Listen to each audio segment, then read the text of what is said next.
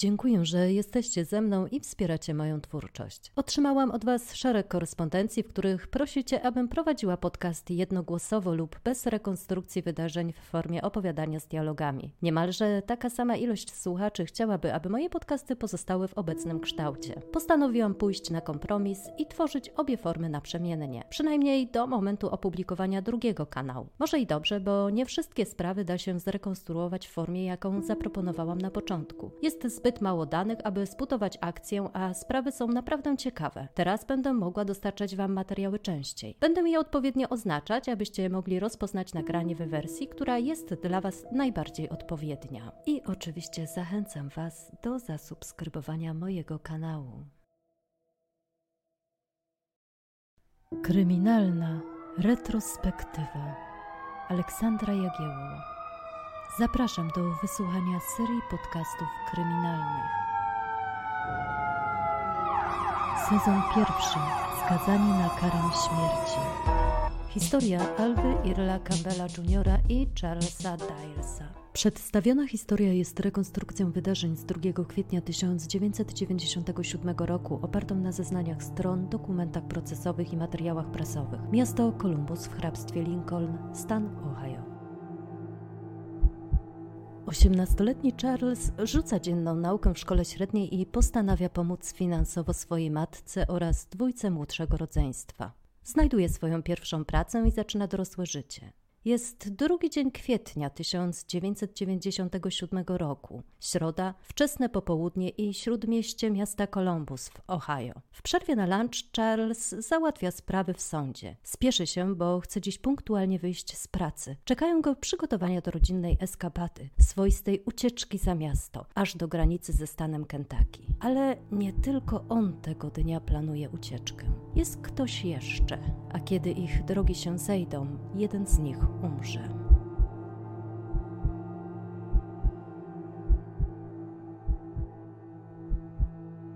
W marcu 1997 roku do aresztu Jackson Pike w Columbus w hrabstwie Franklin w stanie Ohio trafia wprawiony w swój kryminalny fach Alva Campbell zostaje pojmany po dokonaniu czterech rozbojów. Ostateczna kara nie została jeszcze zasądzona, ale za ostatni napad z bronią w ręku i porwanie grozi mu ponad 66 lat więzienia. Dla Alwy w zasadzie oznacza to dożywotnie pozbawienie wolności, bo w chwili popełnienia przestępstwa miał 49 lat. Podczas ostatniego z napadów spotkał się z oporem ze strony ofiary i został przez nią postrzelony. Jednak rana, której doznał, okazała się mniejszym problemem niż zaburzenie konwersyjne, którego doznał zaraz po tym, kiedy pojmała go policja. W przypadku Alwy był to paraliż nóg, przez co nie mógł chodzić. Od tej pory w areszcie porusza się na wózku inwalidzkim. Należy tutaj podkreślić, że zaburzenie konwersyjne ma podłoże wyłącznie psychiczne i spowodowane jest przykładowo traumą. Jego choroba nie złagodzi wyroku, za to ułatwia mu życie w więzieniu. Środki ostrożności stosowane wobec niego są łagodniejsze niż te w stosunku do pełnosprawnych więźniów. Rozprawa sądowa i przesłuchanie Alwy zostaje wyznaczone na 2 kwietnia 1997 roku w godzinach wczesno-popołudniowych. Miejscem rozprawy jest Sąd Miejski Hrabstwa Franklin.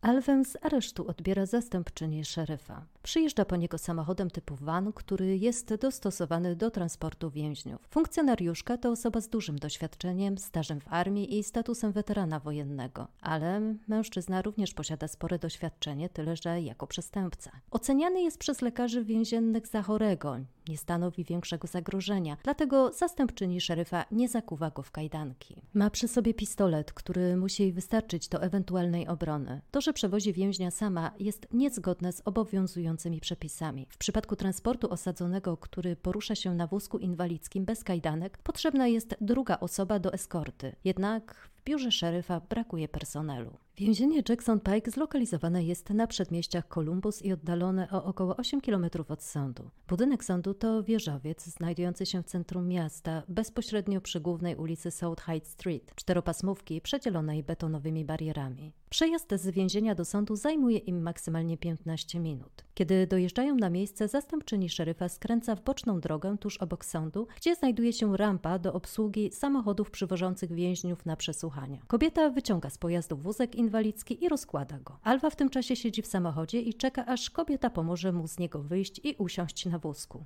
Jest godzina 12.40. W tym samym czasie budynek sądu opuszcza Charles. Osiemnastolatek właśnie zapłacił mandat za wykroczenie drogowe. Teraz kieruje się w stronę swojego czerwonego Chevroleta S10 z 1992 roku, którego zaparkował nieopodal rampy. Wsiada do samochodu, odpala silnik i rusza w stronę głównej drogi South Hyde Street. W tym samym czasie zastępczyni szeryfa podstawia wózek inwalidzki pod drzwi wana i otwiera je. Nagle Alwa doznaje cudownego ozdrowienia i korzystając z nadarzającej się okazji, w której czuje przewagę nad kobietą, napada na nią powala na ziemię, bije, kopie po całym ciele, kradnie jej pistolet i ucieka. Funkcjonariuszka nie ma szans na wygraną w przepychance z postawnym i doświadczonym w rozbojach mężczyzną. Alwa wybiega na główną ulicę South High Street. Wpada przed maskę czerwonego Chevroleta, którym kieruje Charles. Ten hamuje samochód. Przestępca otwiera drzwi kierowcy i strasząc pistoletem młodego mężczyznę mówi: Nie chcę cię skrzywdzić. Po prostu się przesuń. Zastraszony Charles siada na miejscu pasażera, a Alwa przejmuje kierownicę i kontynuuje jazdę South High Street.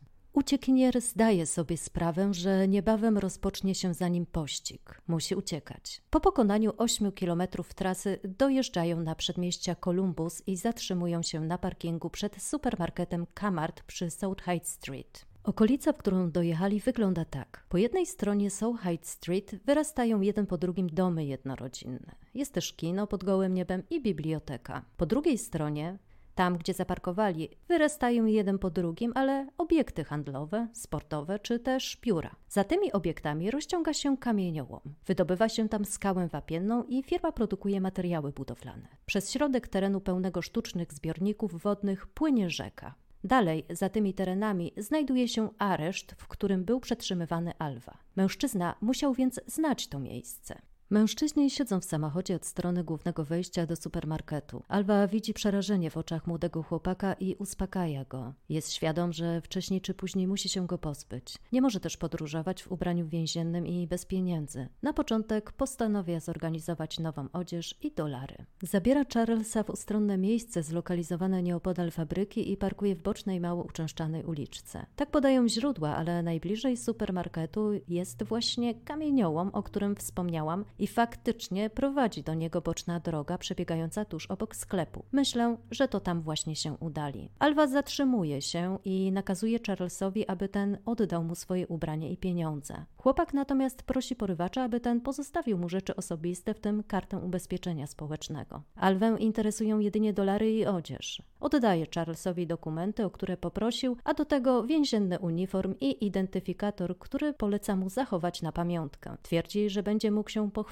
bliskim, że dostał go w prezencie od człowieka, o którym właśnie mówią w telewizji. Jest pewien, że niebawem stanie się celebrytą i zawładnie lokalnymi mediami. Alwa, ubrany w luźne, jasno-niebieskie dżinsy i podkoszulek w ciemne paski, czuje się bezpieczniej. Przebywając od miesiąca w areszcie, nie pił alkoholu, dlatego uznaje za zasadne, aby teraz nadrobić stracony czas. Wraz ze swoim zakładnikiem opuszcza drogę dojazdową do fabryki i kieruje się z powrotem na South High Street. Podjeżdża pod najbliższy sklep typu drive-thru i kupuje tam dwa 40-uncjowe piwa, czyli w sumie nieco ponad 2 litry. Drive-thru to rodzaj sklepu, w którym można zrobić zakupy bez wychodzenia z samochodu. Przez jakiś czas jeżdżą jeszcze po okolicy i rozmawiają o swoich rodzinach. Alwa i Charles wypijają po butelce złotego trunku. Po wszystkim wracają na parking przy supermarkecie Kamart i kontynuują konwersację. Po około dwóch godzinach od porwania radio przekazuje informację o tym, że z sądu zbiegł więzień i podróżuje on czerwoną ciężarówką. Wtedy Charles pyta Alwę: To chodzi o ciebie, prawda? Alwa potwierdza. Po wysłuchaniu informacji postanawia przenieść się w bardziej ustronne miejsce, bo nie chce zostać rozpoznany. Kieruje się na parking z tyłu marketu. Objeżdża go dookoła trzy razy, po czym znajduje miejsce i zatrzymuje tam samochód. I tu uwaga z mojej strony. Na tyłach kamartu znajdują się połączone ze sobą trzy parkingi. To otwarta przestrzeń, przy której nie ma żadnych drzew. Obecnie jest tam dostępnych około 300 miejsc postojowych. Nie wiem, ile ich było w 1997 roku. W każdym razie nie da się tam i nie dało się tam skutecznie ukryć ani pod zadaszeniem,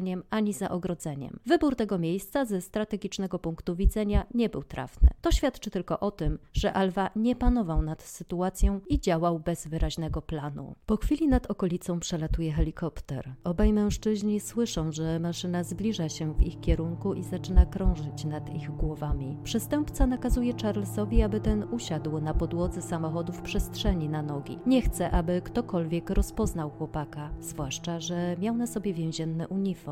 Osiemnastolatek posłusznie wykonuje polecenie Alwy. Po długiej konwersacji, jaką odbyli, chłopak nie podejrzewa porywacza, aby ten chciał zrobić mu krzywdę. Mylił się. Alwa strzela do niego dwukrotnie, trafiając go w głowę i w szyję. Nikt niczego nie słyszy i nie zauważa, a chłopak umiera na miejscu. Dla Alwy sytuacja robi się naprawdę niebezpieczna i czuje na sobie coraz większą presję. Nie może dłużej podróżować czerwonym pick-upem i w dodatku z ciałem Charlesa w środku. Musi porzucić pojazd i zdobyć inny, którym będzie mógł dalej uciekać. Po raz kolejny zmienia miejsce postojowe. Alwa wraca na niewielki parking z przodu marketu, gdzie wcześniej rozmawiał ze swoją ofiarą. Ociekające krwią ciało Charlesa wciąż znajdowało się na podłodze w kabinie samochodu. Wtem na parking wjeżdża niczego nie świadoma 66-letnia kobieta, która planuje zwrócić zakupiony wcześniej w kamarcie czujnik dwutlenku węgla. Zatrzymuje się w bezpośrednim sąsiedztwie Alwy. Ten od razu wykorzystuje sytuację, wysiada z pick-upa i podchodzi do sąsiedniego samochodu. Kobieta wciąż siedzi na miejscu kierowcy. Model działania przestępcy jest dokładnie ten sam. Próba uprowadzenia i kradzież samochodu z bronią w ręku. Alwa otwiera drzwi pojazdu, przykłada pistolet do głowy kobiety i każe jej się przesunąć na siedzenie pasażera. Do tego pospiesza ją mówiąc: Zabiję cię. Właśnie zabiłem tutaj jednego faceta i ciebie też zabiję. Wystraszona ofiara napadu przesiada się na fotel obok kierowcy, dokładnie tak jak każe jej Alwa. Ale w przeciwieństwie do Charlesa, ta sprytnie otwiera drzwi pojazdu od strony pasażera i wyślizguje się na parking. Zostawia pieniądze i kluczyki do samochodu. Od razu biegnie do kamartu i dzwoni po swojego syna. Wtedy zapewne o zdarzeniu została także poinformowana policja, choć nie jest to nigdzie napisane wprost. Alwa zdaje sobie sprawę, że nie może zostać dłużej pod sklepem. Za chwilę zjawią się tutaj policjanci. Nie zastanawia się dłużej. Porzuca pick-upa z ciałem Charlesa, kradnie samochód kobiety i przejeżdża na parking sąsiedniego budynku. Jako, że funkcjonariusze otrzymali już nowy trop, będą od razu poszukiwać obu samochodów i zapewne wkrótce znajdą w pick-upie martwego chłopaka. Alwa planuje kolejną wymianę pojazdu. Wypatruje nową ofiarę, ale tym razem nie ma już tyle szczęścia co poprzednio. Właściciel pojazdu wprawdzie porzuca otwarte auto, ale zabiera ze sobą kluczyki i ucieka. Alwa odjeżdża z miejsca zdarzenia samochodem, którego ukradł kobiecie. W całym hrabstwie Franklin zarówno telewizja, jak i radio mówią wyłącznie o ucieczce Alwy spod sądu i pobiciu zastępczyni szeryfa. Wszyscy wiedzą, jakie niebezpieczeństwo niesie ze sobą spotkanie z przestępcą. Obława policyjna trwa, więc złapanie Alwy wydaje się być tylko kwestią czasu, zwłaszcza, że ten wciąż nie posiada konkretnego planu działania. Alwa wraca w stronę centrum Columbus i kieruje się w stronę południowo-wschodnich obrzeży dzielnicy zwanej Near East Side. Po drodze kupuje jeszcze piwo, ale nie wypija go od razu, tylko wrzuca do samochodu i zostawia na później. Near East Side była niegdyś bogatą dzielnicą. Teraz raczej kojarzy się wszystkim z handlarzami narkotyków. To wszystko przez to, że kilka osiedli opustoszało i niezamieszkałe budynki stały się enklawą dla przestępców. Południowa część dzielnicy jest nieco spokojniejsza. Znajdują się tam głównie piętrowe domy jednorodzinne, a przy każdym z nich stoi minimum jeden samochód. Za niedługo ich właściciele zaczną wracać do domów z pracy i parkować na podjazdach. Duża ilość zieleni wokoło daje możliwość ku temu, aby się ukryć. Nawet drogi osiedlowe są podzielone pasami zieleni, na których rosną drzewa liściaste. Alwa kręci się po okolicy. Kiedy zjeżdża z głównej drogi w boczną uliczkę, natrafia na patrol policji. Funkcjonariusze rozpoznają poszukiwanego Alwę i samochód kobiety. Zbieg porzuca skradziony pojazd i biegnie przed siebie, po czym skręca w kolejną boczną ulicę. Policja wtedy traci go z oczu. Po minucie biegu Alwa wspina się na drzewo i tam postanawia przeczekać policyjną obławę. W całym mieście roi się od służb zaangażowanych w poszukiwanie Alwy. Media na bieżąco podają komunikaty i ostrzeżenia dla obywateli. Każdy zna aktualną podobiznę zbiega. W poszukiwaniach biorą udział zastępy uzbrojonych policjantów patrolujących okolicę radiowozami i helikopterami. Najważniejsze okazują się być jednak wyczulone oczy i uszy obywateli, a zwłaszcza jednego, który z okna swojego domu dostrzega buty wystające z pomiędzy liści drzewa. Mieszkaniec dzielnicy Near East Side wie, że trwają poszukiwania niebezpiecznego przestępcy i prosi policję, aby ci sprawdzili, kim jest osoba siedząca na gałęzi. Na pewno nie jest to żaden dzieciak z sąsiedztwa, bo ma za duże stopy. Uzbrojeni po zęby funkcjonariusze zbiegają się wokół drzewa. Rozpoznają Alwę. Wydają polecenia, aby oddał im broń, którą miał przy sobie i poddał się. W ten sposób pomiędzy godziną 18.30 a 19.00 uciekinier ponownie trafia w ręce policji. W tym samym czasie, kiedy Alwa zostaje aresztowany, rodzina Charlesa przygotowuje się do wyjazdu za miasto. Pakują walizki, ale wciąż nie daje im spokoju, że ich krewny po wizycie w sądzie wciąż nie wrócił ani do miejsca swojej pracy, ani do domu. Policja, niemalże pewna, że ciało znalezione w pojeździe to Charles, odwiedza jego rodzinę i przekazuje tragiczną wiadomość.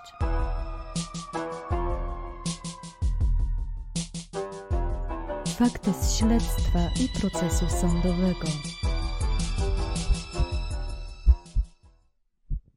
Do zbrodni doszło 2 kwietnia 1997 roku na przedmieściach miasta Columbus w stanie Ohio pod supermarketem Kmart. Alva stanął przed sądem nieco ponad 6 miesięcy później, 7 października. Z więzienia na rozprawę w sądzie transportowano go stosując tym razem nadzwyczajne środki ostrożności. Zakuto go w kajdanki na nogach, rękach i dodatkowo obowiązano łańcuchem wokół pasa. Eskortowało go kilka zastępów funkcjonariuszy i nadzorca. 10 kwietnia 1997 1998 roku, czyli rok po zabójstwie, sąd skazał go na karę śmierci przez śmiertelny zastrzyk. Dochodzenie na temat przeszłości sprawcy zakończono 31 lipca 1998 roku. Przebywał w więzieniach Ohio Department of Rehabilitation and Correction w Columbus, Mansfield Correctional Institution, a także w Chillicothe Correctional Institution, gdzie oczekiwał na datę egzekucji. W ciągu kolejnych lat wydano kilka nakazów egzekucji, ale za każdym razem przesuwano termin ich wykonania ze względu na składane przez skazanego odwołania od zasądzonej mu kary. Trwało to 20 lat. Tutaj przedstawię, co pojawiło się w dokumencie Sądu Najwyższego stanu Ohio z 10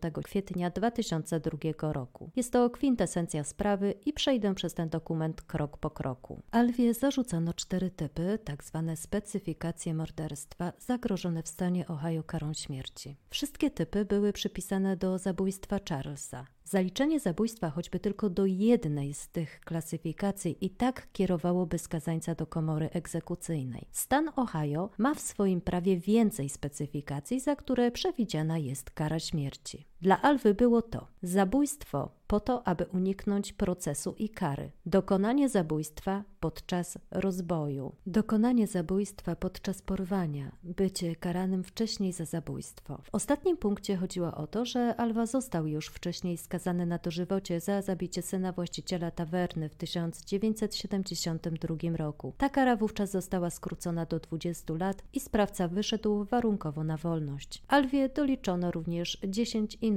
zarzutów niezwiązanych z karą śmierci. Oskarżony odwołał się od, jak twierdził, niesprawiedliwego wyroku i sprawa została cofnięta do ponownego rozpatrzenia. Złożył on wymagane wyjaśnienia i stwierdził, że czynniki łagodzące ponad wszelką wątpliwość przewyższają czynniki obciążające go. Według oskarżycieli oczywiście było inaczej. Przemawiały zatem dowody. W bieżącym postępowaniu przyznał się do zabicia Charlesa. Ponadto moment uprowadzenia samochodu ofiary odnotowano na monitoringu z sądu, a do przestępstwa doszło przy użyciu broni zastępczyni szeryfa. Ponadto kobieta, którą Alwa napadł na parkingu, rozpoznała go. Oskarżony w momencie pojmania miał na sobie ubrania ofiary. Za czynnik łagodzący przyjmowano przeszłość, charakter i pochodzenie sprawcy, a także charakter i okoliczności przestępstwa. Aby uwiarygodnić przyjętą linię obrony, oskarżony powołał świadków. Własną siostrę, sierżanta sierżanta z biura szeryfa hrabstwa Franklin, w którym był sądzony i psychologa klinicznego. Aby uwiarygodnić przyjętą linię obrony, oskarżony powołał świadków, własną siostrę, sierżanta z biura szeryfa hrabstwa Franklin i psychologa klinicznego. Oskarżony wykazał skruchę z powodu zabicia Charlesa. Opowiedział też o swoich problemach zdrowotnych i trudnym dzieciństwie. Jeden z pracowników służby więziennej potwierdził, że Alwa angażował się w pracę na terenie więzienia i sumiennie wykonywał swoje obowiązki. Co do charakteru i okoliczności przestępstwa, oskarżony przyznał się, że był pod wpływem alkoholu, kiedy sięgnął po broń. Wypił 40 uncji piwa, czyli nieco ponad litr.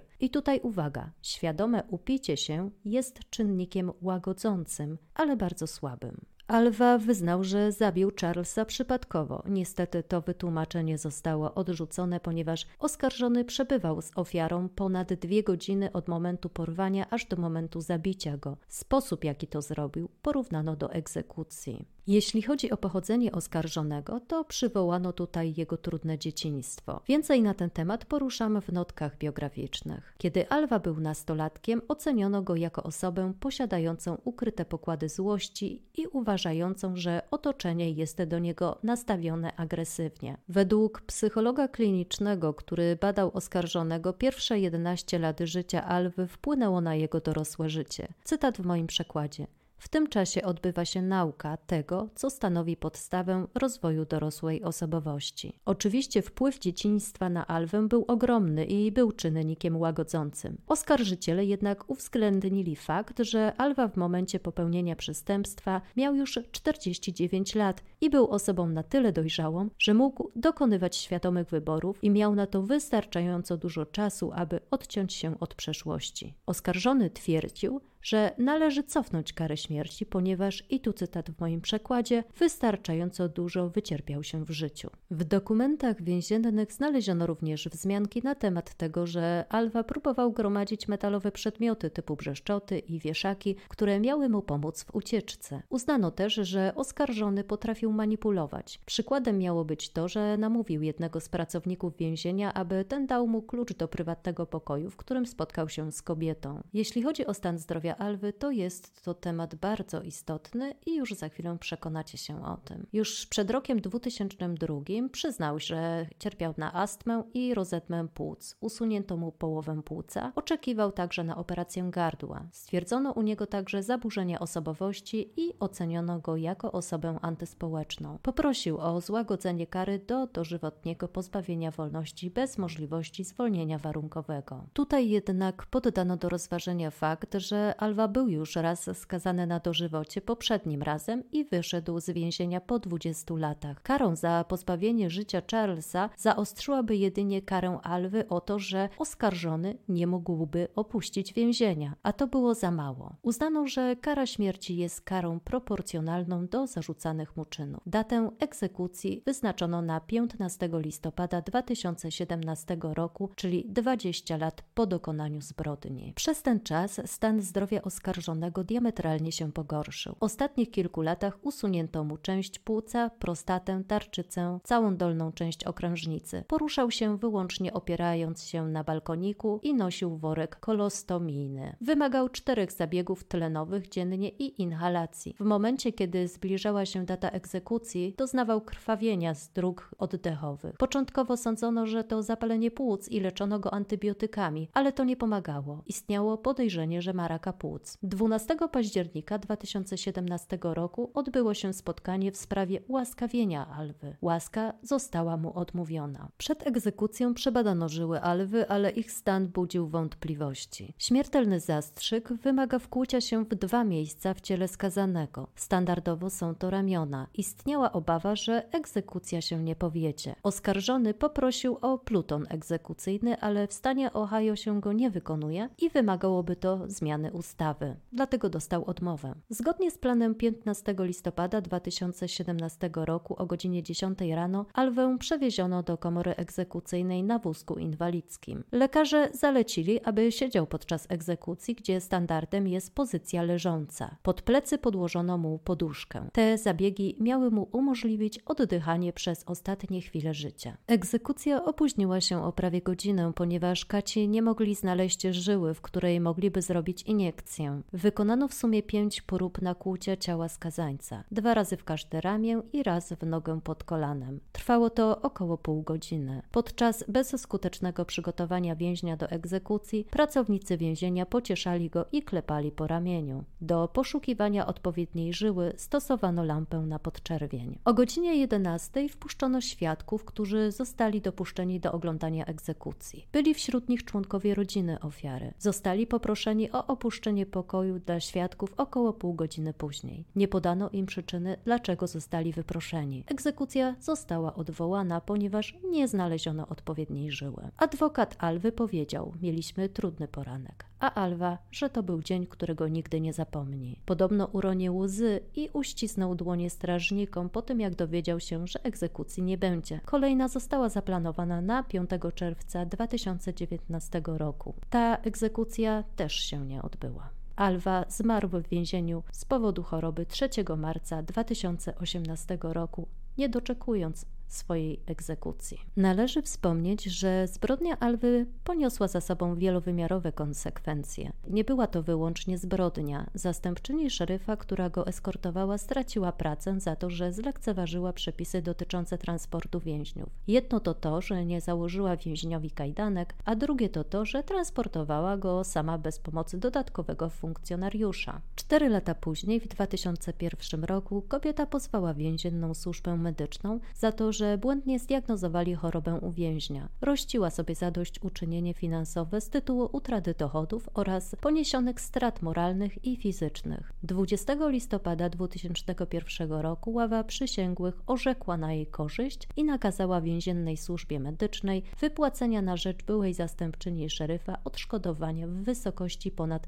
650 tysięcy dolarów. Z drugiej strony rodzina zamordowanego Charlesa zażądała od hrabstwa Franklin Wypłaty odszkodowania w wysokości 1 300 tysięcy dolarów. Pomiędzy stronami została zawarta ugoda. To wszystko na temat zabójstwa, śledztwa i rozprawy sądowej w tej sprawie. Jeśli chcesz dowiedzieć się czegoś więcej o ich życiu, zanim jeszcze doszło do zbrodni, pozostań ze mną przez kolejne kilka minut. Jeśli nie, to zapraszam za dwa tygodnie i nie zapomnijcie też zasubskrybować kanału. To dla mnie motywacja do dalszej pracy. Chętnie poczytam Wasze komentarze. Może jest coś, co chcielibyście usłyszeć w kolejnych odcinkach. Dajcie koniecznie znać i do usłyszenia. Notki biograficzne sprawcy i ofiary. Charles Dales przyszedł na świat 30 listopada 1978 roku w Portsmouth w hrabstwie Seattle w stanie Ohio. Był synem Arlene i Douglasa. We wolnych chwilach oddawał się swojej pasji wędkarstwu. Charles miał brata Josepha i siostrę Kylę. Uczęszczał do szkoły średniej Growport High School, z której zrezygnował po tym, jak ojciec porzucił rodzinę. Od tej pory to on czuł się głową domu, dlatego zatrudnił się jako pracownik magazynu, aby pomagać finansowo matce, z którą pracował w tym samym zakładzie pracy. Charles przyjechał w dniu zdarzenia do budynku sądu, aby zapłacić mandat w wysokości 95 dolarów za brak włączonych świateł w samochodzie. Okazało się wtedy, że wcale nie zapomniał ich włączyć, tylko reflektory były zepsute. Spod sądu został uprowadzony przez Alwę. Charles zmarł w wieku 18 lat. Alva Earl Campbell Jr. urodził się 30 kwietnia 1948 roku w stanie Ohio. Wraz z rodziną, czyli jej matką, ojcem, czterema siostrami i bratem,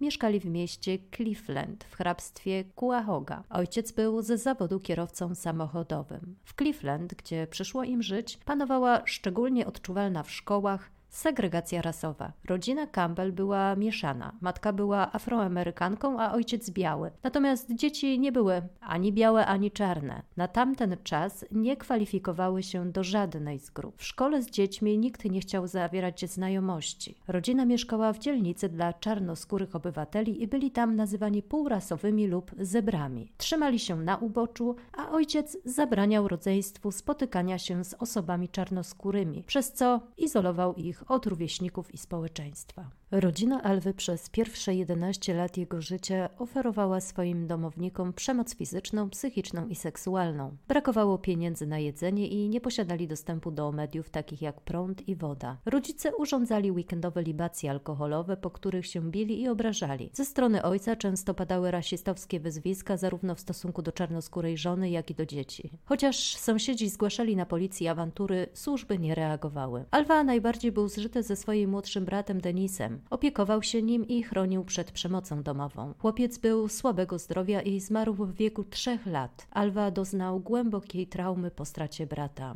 Ojciec znęcał się nad całą rodziną. Jego żona służyła mu za worek bokserski. Kiedy trenował na niej swoje ciosy niczym na ringu bokserskim, obowiązkiem dzieci było oglądanie tego procederu. Musiały obserwować, jak ich matka jest katowana do nieprzytomności. Mężczyzna wyrzucał kobietę z domu w mroźne dni i ta musiała spać w samochodzie. Kiedy dzieci chciały pomóc matce, ten groził im śmiercią. Alwa próbował chronić swoją mamę przed ojcem, ale nie mógł. Wyznał, że czuł ogromną bezsilność i bezradność. Kobieta w wyniku pobicia dwukrotnie poroniła ciążę. Pan domu nie odpuszczał także swoim dzieciom. Organizował im zabawy. Biegał za nimi z martwymi zwierzętami, aby się bały. Natomiast gra elektryczna polegała na chwytaniu się za ręce i przepuszczaniu przez ciała prądu. Ojciec wkładał palce do kontaktu, a dziecko stojące na samym końcu chwytało kran, który miał działać jako uziemienie.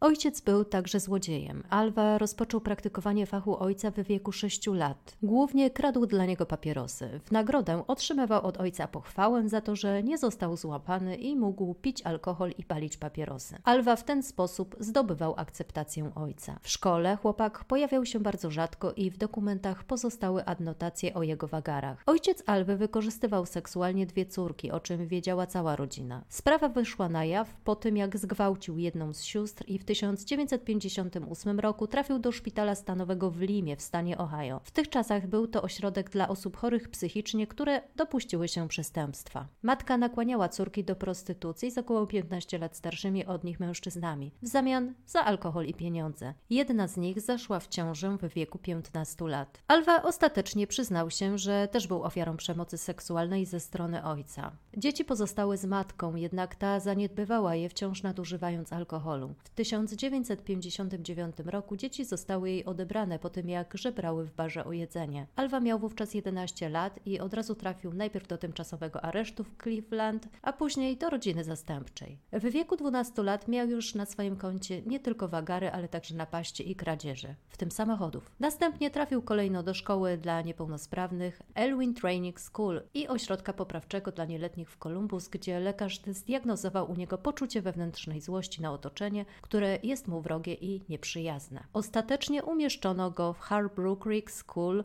gdzie zaczął wychodzić na prostą, ale wyrzucono go z placówki za to, że miał zły wpływ na młodsze dzieci. Twierdził, że w tych ośrodkach był molestowany. Zanim osiągnął pełnoletność, przebywał w dziewięciu różnych ośrodkach detencyjnych oraz dwóch rodzinach zastępczych, w których, jak twierdził, przybrani rodzice nadużywali alkoholu. Za namową swojej biologicznej matki uciekał z nich. Jako, że był drobnej budowy ciała i mieszanej rasy, stał się kozłem ofiarnym dla agresywnych rówieśników. Po trzech latach od wyprowadzki z domu dręczyły go koszmary senne, obgryzał paznokcie, cierpiał na depresję i miewał myśli samobójcze oraz psychozy. Już jako dziewiętnastolatek 24 września 1967 roku dopuścił się napadu z bronią w ręku i dużej kradzieży w Willoughby w Ohio. Niespełna miesiąc później, 11 października, napadł z bronią w ręku i próbował zabić policjanta. Te zdarzenia miały miejsce w dwóch różnych miastach w stanie Ohio, Medina i Akron.